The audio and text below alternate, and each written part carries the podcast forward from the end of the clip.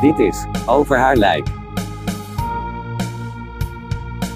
Een podcast over wat er op je pad komt als je vrouw de diagnose uitgezaaide borstkanker krijgt.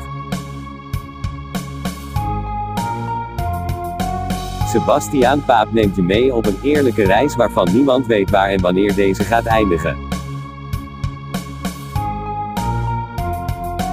Dit is Over haar lijk.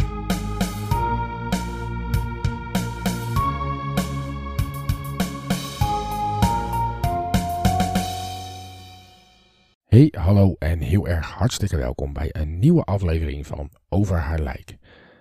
Over haar lijk is een podcast waarin ik je eigenlijk laat weten hoe het voor mij is om partner te zijn van iemand met uitgezaaide borstkanker. Op 10 juni van 2021 gaf ik de laatste update in aflevering 10 en inmiddels zijn we aangekomen bij aflevering 11. Op het moment dat deze podcast online komt is de vorige update 3,5 week geleden. En ik zeg het nou, vrij vaak. maar er is nogal wat gebeurd in de tussentijd. Zoals ik in de vorige aflevering heb gesproken over een uh, Zometa-infuus om de botpijnen te verminderen en de botten te versterken bij mijn vrouw. Uh, dat zou die avond, de 10e van juni, in gaan lopen. Dat is ook gebeurd.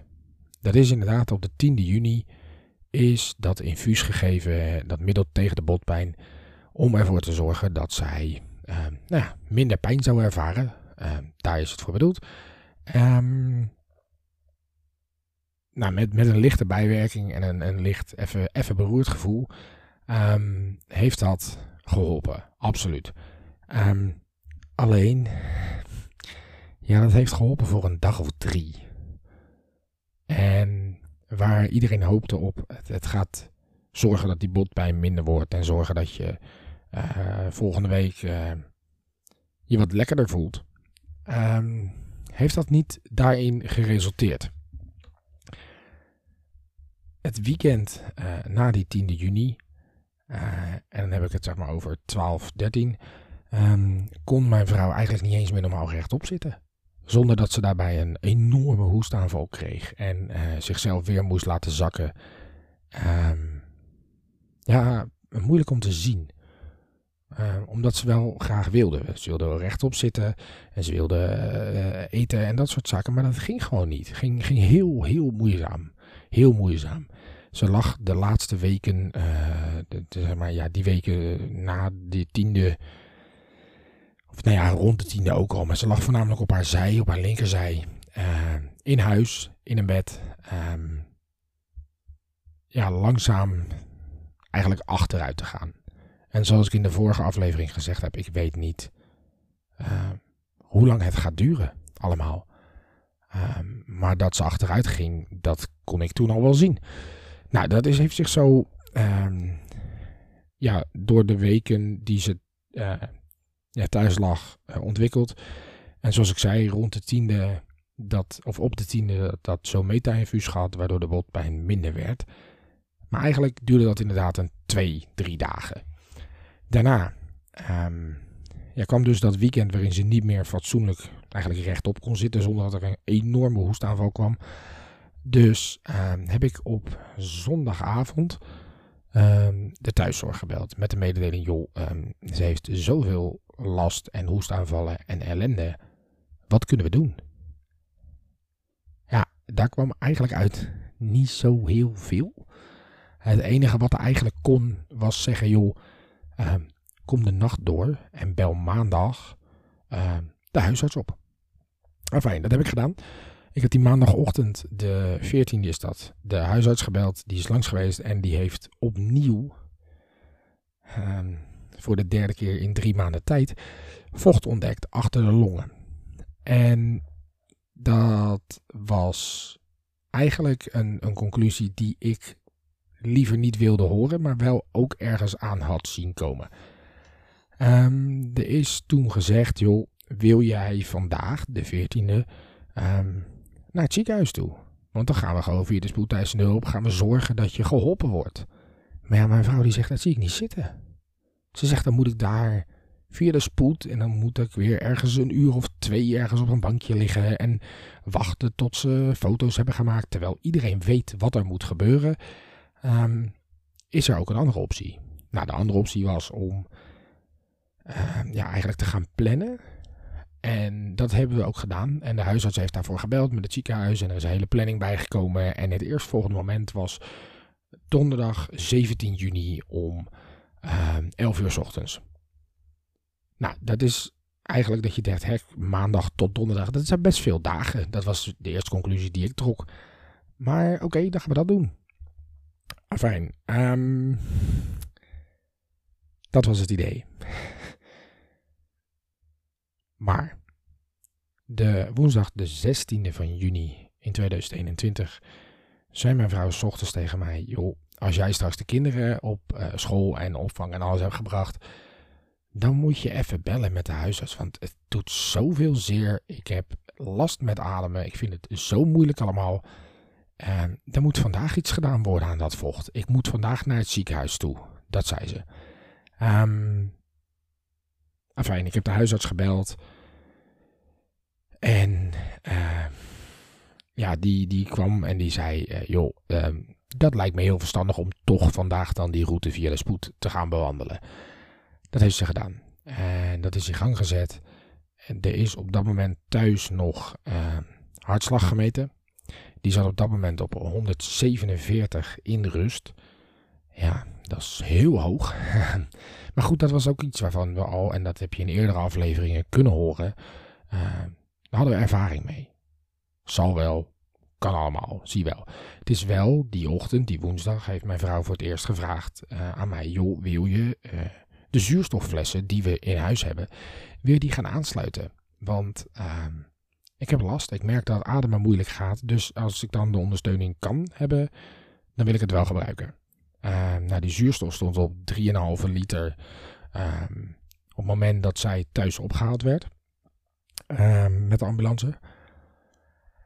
Want zoals je weet, uh, ze, ze, lag alleen maar. Ze kon niet meer rechtop zitten. Zeker niet zonder hoestaanval en dat soort fratsen. Dus um, ja, daardoor in ieder geval die zuurstof. En is ze met de ambulance meegegaan.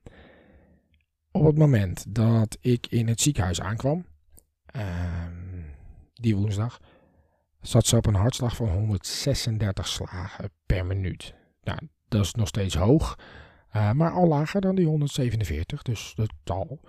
Um, daarbij kreeg ze wel de zuurstof in plaats van 3,5 liter per uur uh, die ze thuis kreeg, uh, al 5 liter per uur wat er ingeblazen wordt. Um, ze meten dan zeg maar in het ziekenhuis ook je, je saturatie, heet dat dan?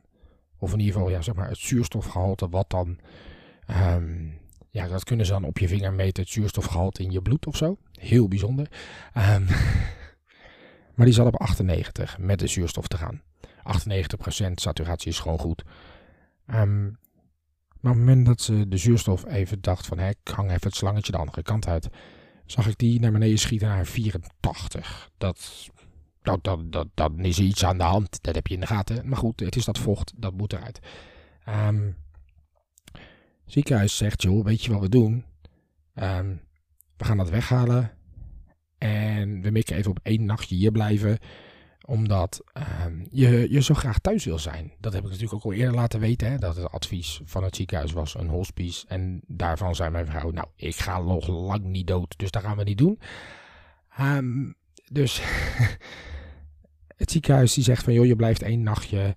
En dan ga je daarna weer lekker snel naar huis. En als we je langer hier houden, misschien kom je er dan zo slecht aan toe... dat we je niet meer naar huis kunnen sturen. Dat je de reis niet meer aan kan, zeg maar. Dus Laten we alsjeblieft nu gewoon het vocht weghalen. Dan blijf je één nachtje. En dan zien we je morgen, sturen we je morgen weer naar huis. Um, om een uur of drie smiddags op die bewuste woensdag is er een liter vocht weggehaald. Um, weer, weer een liter. Ja, echt weer gewoon. Ongelooflijk. En daarna ging de zuurstof die op 5 stond, of zelfs heel even op 6 gestaan heeft, uh, naar 4 omdat mijn vrouw zei, dit is, het blaast te hard, het kan zachter. En toen heeft ze zuurstof op 4 gezet. En vervolgens is zij vervoerd naar de kamer waar ze dus een nachtje ging blijven. op het moment dat ze op die kamer kwam en van de mobiele zuurstof afging en op de zuurstof die uit de muur komt uh, aangesloten was, zei ze, joh, het lijkt wel alsof die minder hard blaast. Zet hem maar op 5. Dus ik heb hem daar op uh, 5 gezet. ja, ik heb dat gedaan terwijl er allemaal medewerkers en zorgpersoneel en uh, verpleegkundigen, zeg maar, om dat bed heen stonden. Stond ik op en draaide ik hem naar 5. En toen zei ik ook, ook ik heb hier helemaal niet voor gestudeerd. Uh, sorry, dat mag ik eigenlijk misschien niet, denk ik. Um, maar dit draaide ik naar 5 en dat was niet genoeg, dus toen draaide ik hem ook nog naar 6. Op dat moment zat zij op um, 93% saturatie, uh, zeg maar zuurstof in het bloed, met die zuurstof eraan. De hartslag was op dat moment 151. Nou, um, dat kan natuurlijk ook met de bewegen van, van de OK waar dat vocht weggehaald was. Um, of in ieder geval, ja, ja is wel een soort van OK. Naar de kamer waar ze dan die nacht ging blijven. En toen ineens eigenlijk binnen een paar minuten dat ze op die kamer was, had ze een soort van, uh, soort van aanval of zo. Het was geen hoestaanval meer. Um, maar het was wel duidelijk dat ze zei, uh, zuurstof moet omhoog. Het is niet genoeg, het is niet genoeg, het is niet genoeg. Um, binnen een half uur uh, na aankomst op die kamer stond de zuurstof op niveau 10. En een kwartier later stond hij al op 15. En 15 is het maximale uh, wat ze kunnen blazen, om het zo maar even oneerbiedig te zeggen. Um, maar daarbij zei ze, dit, dit voelt oké, okay, kan ik, gaat het wel mee.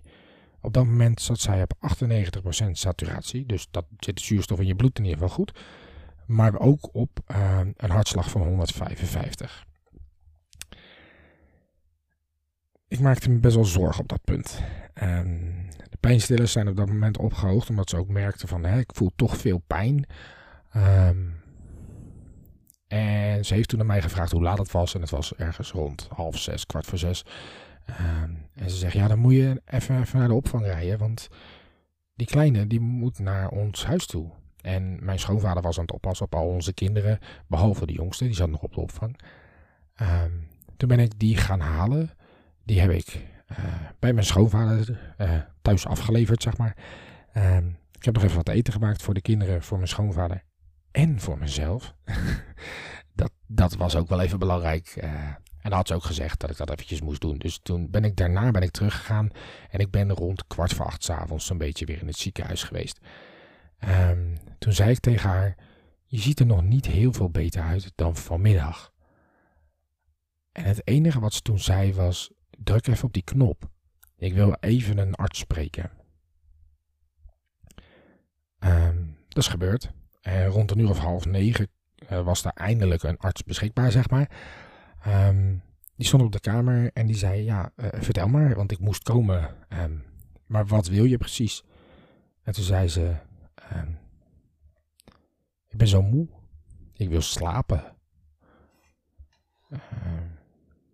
Ja, de, arts die zegt, joh, dan, dan kunnen we een middel geven zodat je de nacht doorkomt. En gaan we morgen kijken wat er aan um, aan vocht of andere ellende nog in die longen zit. En dan gaan we kijken wat we kunnen doen, zodat die zuurstof weer omlaag kan. En toen keek ze de arts aan en ze zei: Je luistert niet. Ik wil slapen. Ik kan niet meer. Ik wil slapen. Altijd slapen. Ik wil geen pijn meer. Ik wil de ellende niet meer. Ik wil rust. Ik heb daar gezeten en ik zei: Weet je dit zeker?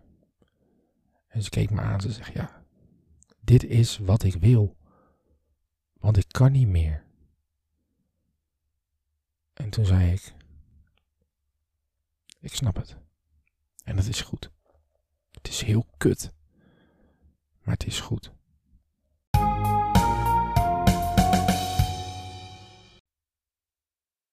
rond uh, half tien kreeg zij een slaapmiddel toegediend. Uh, dat is de weg die we besproken hadden en de weg die ze zou gaan bewandelen.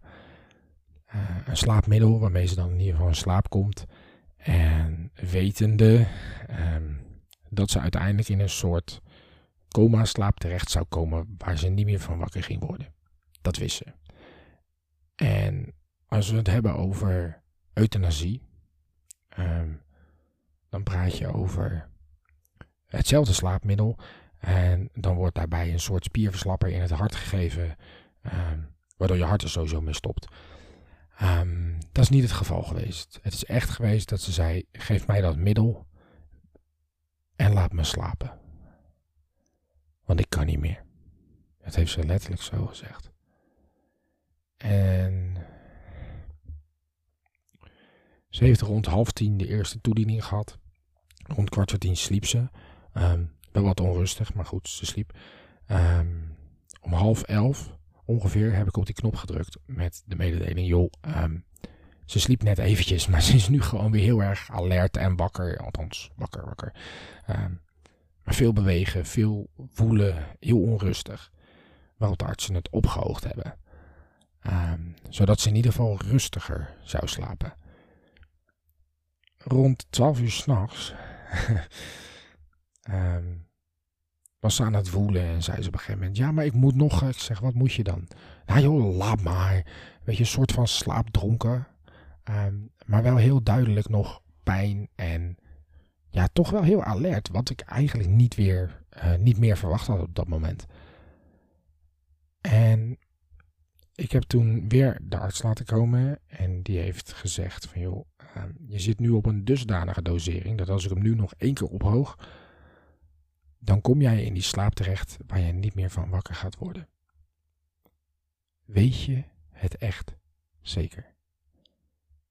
En de arts heeft me later verteld dat heel veel mensen die die vraag stelt reageren met een, een slaperige. Ja, ja, ja, ja, doe nou maar. Ja, ja, ja, zo. Mijn vrouw heeft um, op dat punt de arts aangekeken, recht in de ogen, geknikt en gezegd: Ja, want ik kan niet meer. Ik ben op, ik ben echt helemaal op.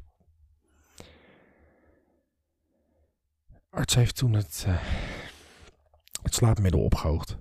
En door het ophogen kwam zij inderdaad rond kwart over twaalf, zeg maar, in een slaap waar ze niet meer uit ging komen.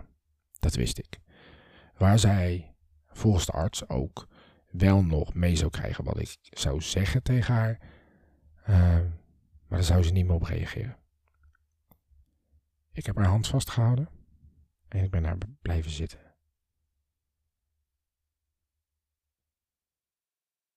Om drie uur s'nachts kneep ze keihard in mijn hand. En ze zei: Ben je er? En ik schrok een beetje, want ik had. Ja, ik was in de veronderstelling dat ik niks meer zou gaan. Um, gaan horen van haar eigenlijk. Maar ik zeg, ja, tuurlijk ben ik er. Ik zeg, jij was onderweg naar een punt. En totdat dat jij dat punt bereikt hebt, blijf ik bij je. En hou ik je hand vast en ben ik er. Dat hadden we afgesproken, dus dat doen we. Ik heb daar gezeten en ze zegt, ja, maar, ik, ik, moet nog wat zeggen. Ik zeg, ja, wat moet je zeggen? Zeg het maar. En toen heeft ze mij verteld wat ik aan haar ouders moest zeggen. En ze heeft mij verteld wat ik tegen onze kinderen moest gaan zeggen. En toen keek ze me aan. En toen zei ze: Weet je, dankjewel. Ik hou van jou. En nu ga ik lekker slapen. En ik heb gezegd dat het goed was. Dat het eindelijk wel een keertje mocht. Ga maar slapen. En pak die rust en een eind aan die pijn, want je hebt zo keihard gevochten.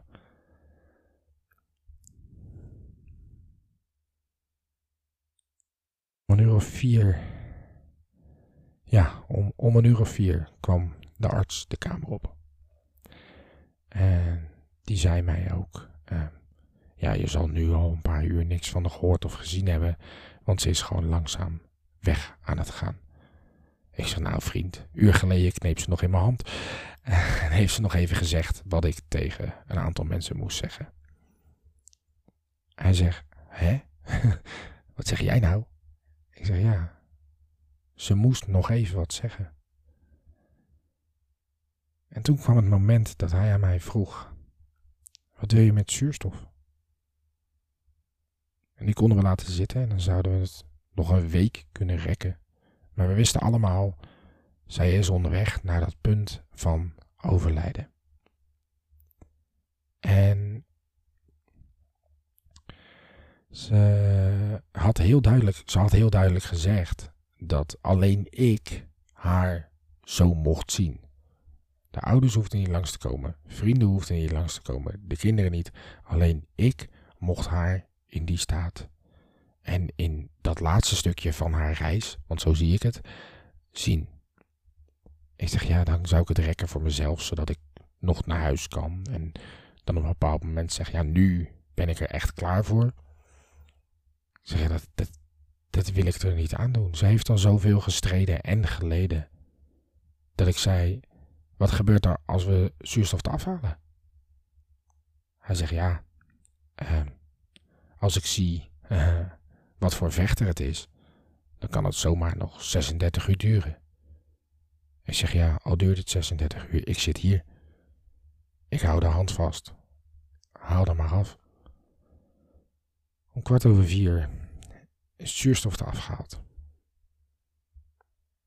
En letterlijk, precies een uur later, hoorde ik een soort van zucht. En toen heb ik ongeveer een minuut lang gekeken uh, of ze nog ademhaalde, of er nog iets bewoog. En dat zag ik niet. Ik heb op de knop gedrukt. Ik heb de zuster gezegd, of de zuster, verpleegster, of whatever voor naam aan wil hangen, um, gezegd: Volgens mij heb ik net een laatste ademhaling gezien. De arts werd opgeroepen. De arts stond er binnen twee minuten en checkte haar pols, luisterde uh, haar borst, haar uh, rug, haar onderrug. Um, ja, eigenlijk alles waar die het maar kon checken, zo zei hij het ook, heeft hij gecheckt. En toen zei hij, jij dacht een laatste ademhaling gezien te hebben, dat had je goed.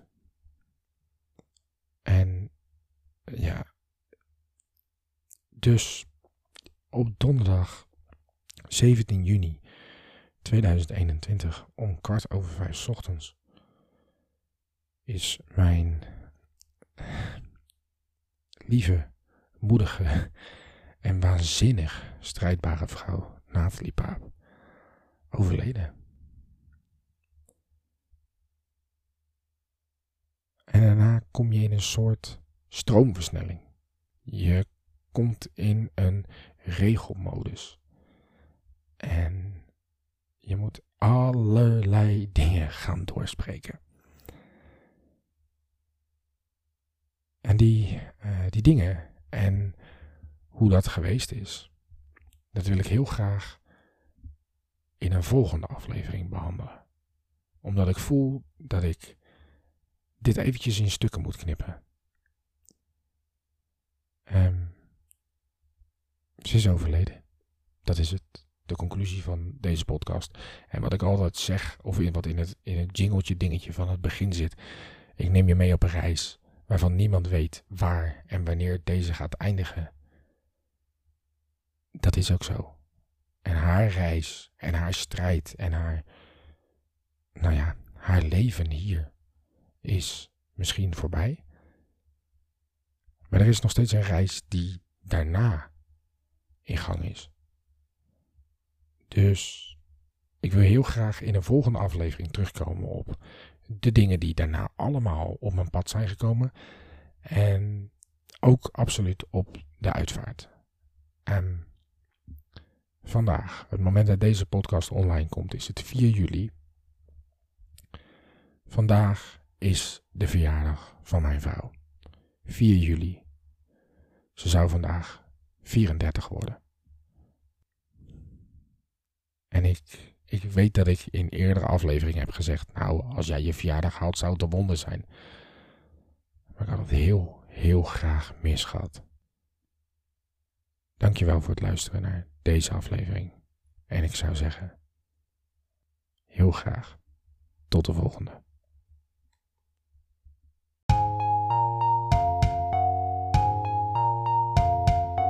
Bedankt voor het luisteren naar Over haar lijk.